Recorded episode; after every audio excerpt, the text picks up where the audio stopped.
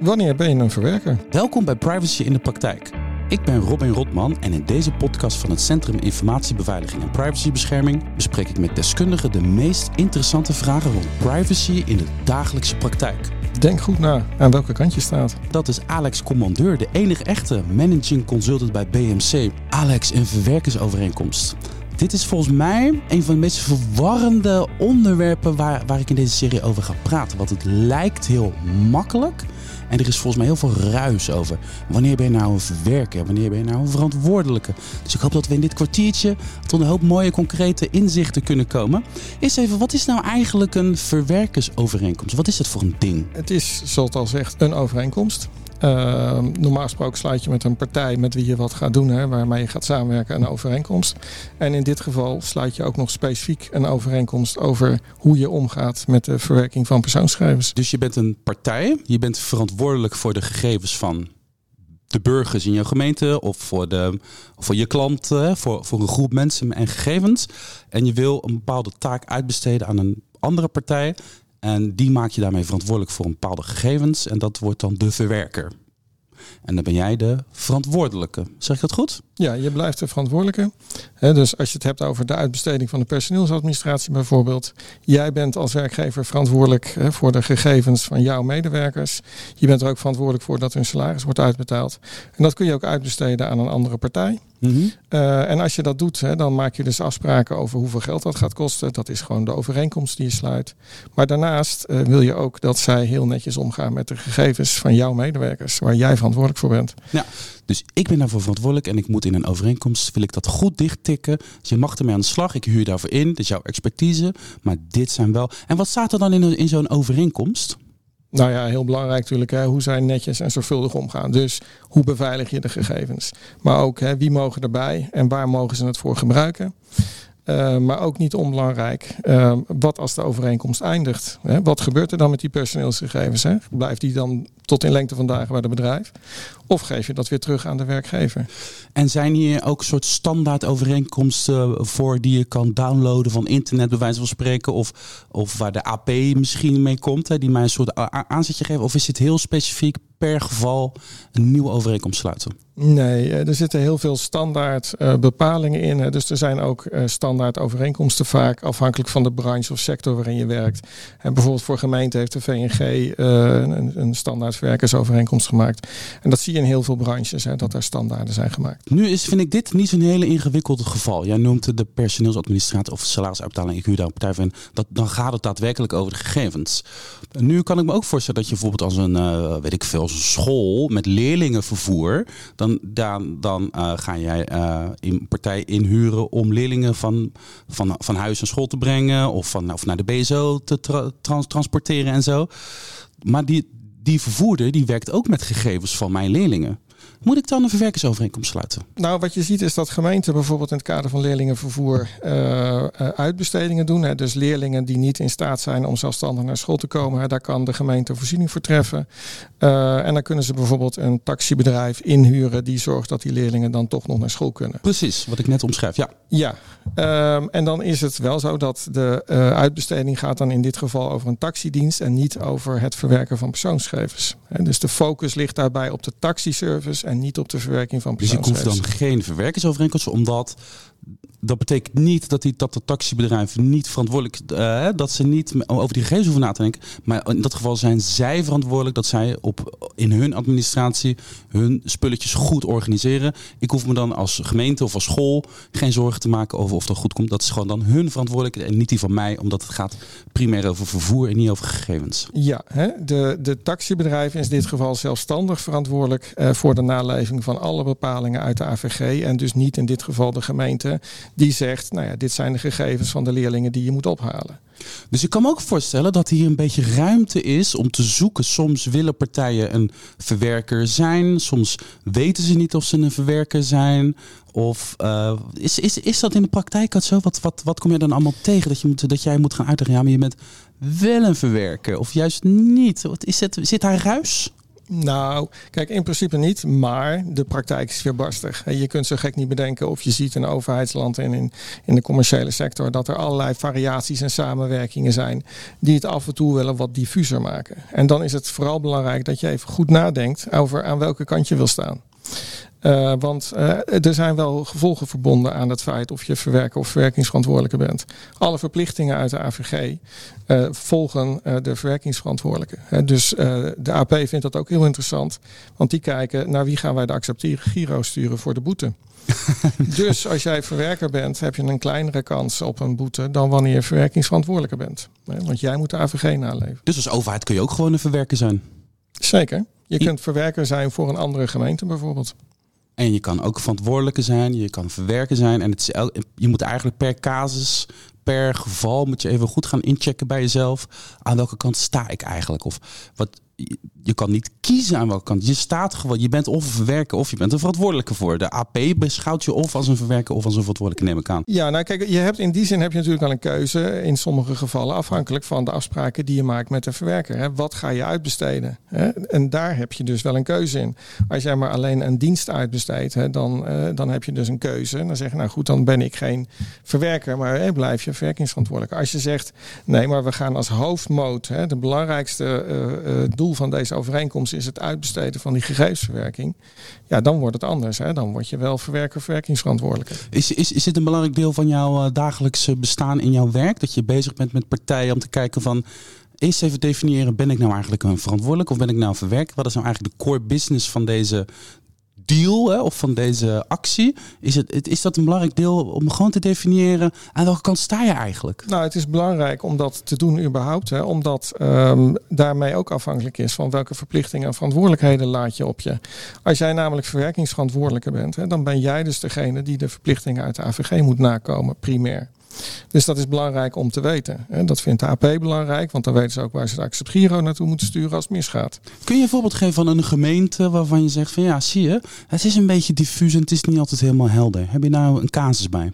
Nou ja, we hebben natuurlijk wel gezien hè, dat, uh, dat er een gemeente in Nederland is die een boete heeft gekregen. omdat uh, ze iets deden wat niet mocht. Waar zij in een verweer aangaven, ja, maar wij zijn geen, verwer geen verwerkersverantwoordelijk, wij zijn verwerker. En daar ging de AP niet in mee. Ah, en kun je iets meer zeggen over de inhoud van deze kaart? Je hoeft niet die gemeente te doen, maakt me allemaal niet zoveel uit. Maar waarom was het dus kennelijk in de, de aard van deze nou, casus dat, het ingewikkeld was? verhaal. Het ging over wifi-tracking. En dan was natuurlijk de vraag hè, van wie is dat wifi-tracking? Wie verzamelt die gegevens? Wie doet dat? Hè? Wie is daar verantwoordelijk voor? Uh, en daarvan zei de AP, nee, dat is in dit geval heel duidelijk de gemeente.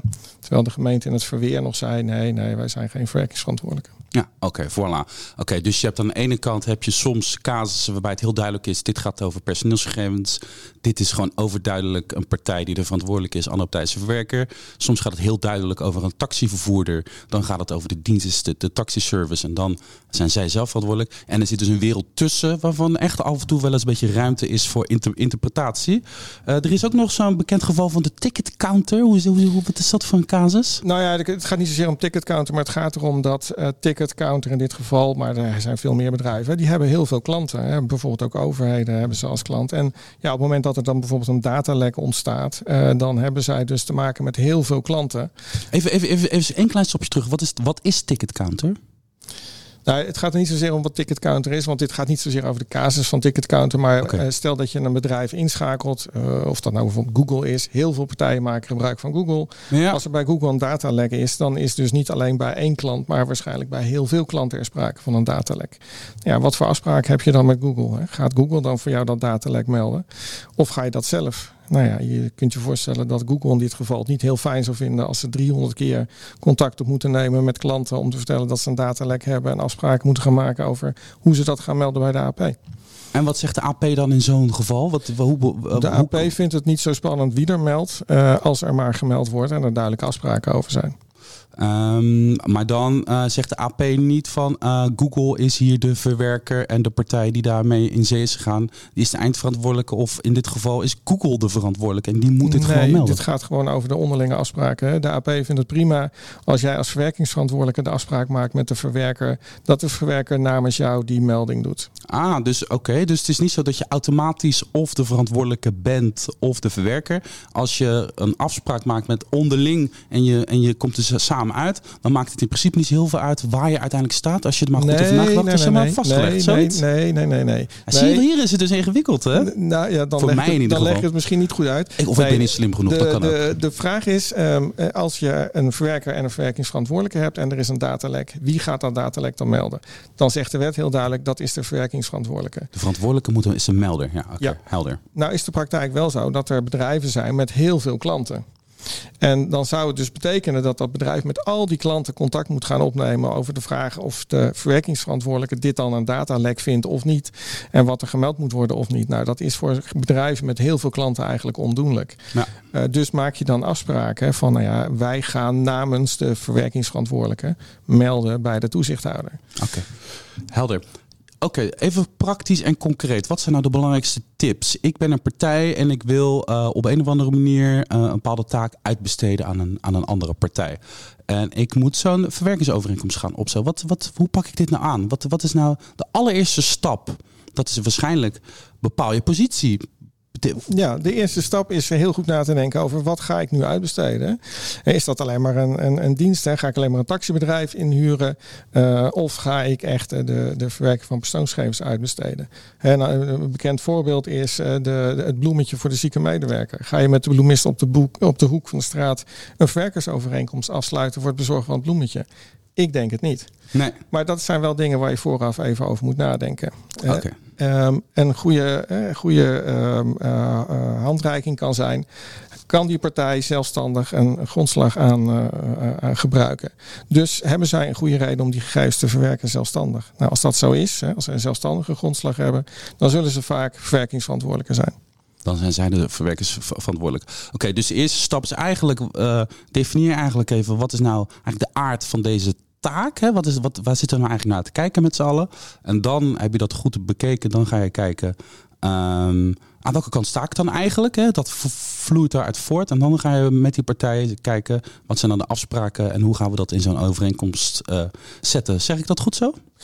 Ja, hè, de eerste stap is aan welke kant sta ik? Ben ik verwerker of verwerkingsverantwoordelijke? En in de meeste gevallen eh, helpt het dan om te kijken van nou ja, als ik het uitbesteed, gaat het dan over de hoofdmoot verwerking persoonsgegevens of gaat het over de hoofdmoot uitbesteding van een dienst of taak? Bloemetjes bezorgen. Bloemetjes bezorgen, taxi rondrijden. En, en als je nou zo'n overeenkomst wil gaan opstellen, heb je dan nog concrete tips hoe je dat dan doet? Want dat is natuurlijk heel erg eh, casusafhankelijk. Hè? Ja, nou, het belangrijkste tip, hè, als je zo'n verwerkingsovereenkomst gaat opstellen, maak gebruik van een format. Hè, en vastgesteld iets eh, wat binnen jouw branche of sector gebruikelijk is. Ehm, maar dan gaat het er wel om dat jij heel goed omschrijft datgene wat de taak of de dienst is die je gaat uitbesteden, wat dat inhoudt, hè, waar het over gaat. Dat is wel erg belangrijk. Ehm, en zorg ook hè, dat de naleving van bijvoorbeeld beveiligingsvoorschriften, dat je dat ook kunt aantonen. Eh, de, het overschrijven van eh, dat er, dat er ehm, hoe staat er ook alweer zo mooi in de AVG, eh, passende organisatorische en technische beveiligingsmaatregelen. Dat is een onvoldoende omschrijving als het, als het gaat over de naleving van de beveiliging. Maar ze kunnen bijvoorbeeld ook aantonen met audits of eh, certificeringen. Ik kan me ook voorstellen dat het, dat het ook een soort een defensieve actie zou kunnen zijn. Als je gewoon even vaststelt van, jij bent hier de verantwoordelijke, niet ik. Maar wat bedoel je daarmee? Nou, dat je dus tegen een partij zegt van even voor de helderheid. Ik heb een bepaalde dienst van jou afgenomen. Maar jij moet wel even zorgen dat je die gegevens goed regelt. Jij bent hier de verantwoordelijke, niet ik. Dat, je, dat het een beetje defensief is. Dat je zegt van nou, dat je, even, dat je misschien op papier zet dat dat het geval is. Nou ja, ik weet niet of dat defensief is. Dat, het is wat mij betreft gewoon eh, zorgen dat je vooraf duidelijke afspraken maakt. Dat doe je met elk contract. Hè. Met elke partij met wie je afspraken gaat maken. Wil je vooraf duidelijk hebben over wie nu welke verantwoordelijkheid en verplichtingen heeft. Ja. Nou, dat doe je nu specifiek voor persoonsgegevens. Nou, en dan is jouw, is jouw hoofdmoot eh, eigenlijk, met, zoals zo vaak als het gaat over privacy. Dan zijn regels, regels, regels. Maar eigenlijk is de hoofdmoot ook Uh, gebruik je gezonde verstand ook gewoon en kijk even aan welke kant je nou werkelijk staat. Zeker, gezond verstand is in privacyland heel belangrijk. De vraag is altijd, ik kan ik dit thuis uitleggen? Als je het thuis kunt uitleggen, ben je meestal een heel eind als je gezond verstand hebt gebruikt. Dankjewel Alex Commandeur, Managing Consultant bij BMC. Als je nou ook uh, de andere afleveringen wilt terugluisteren van Privacy in de praktijk, dat kan. Ga dan naar sip-overheid.nl slash uitgelicht.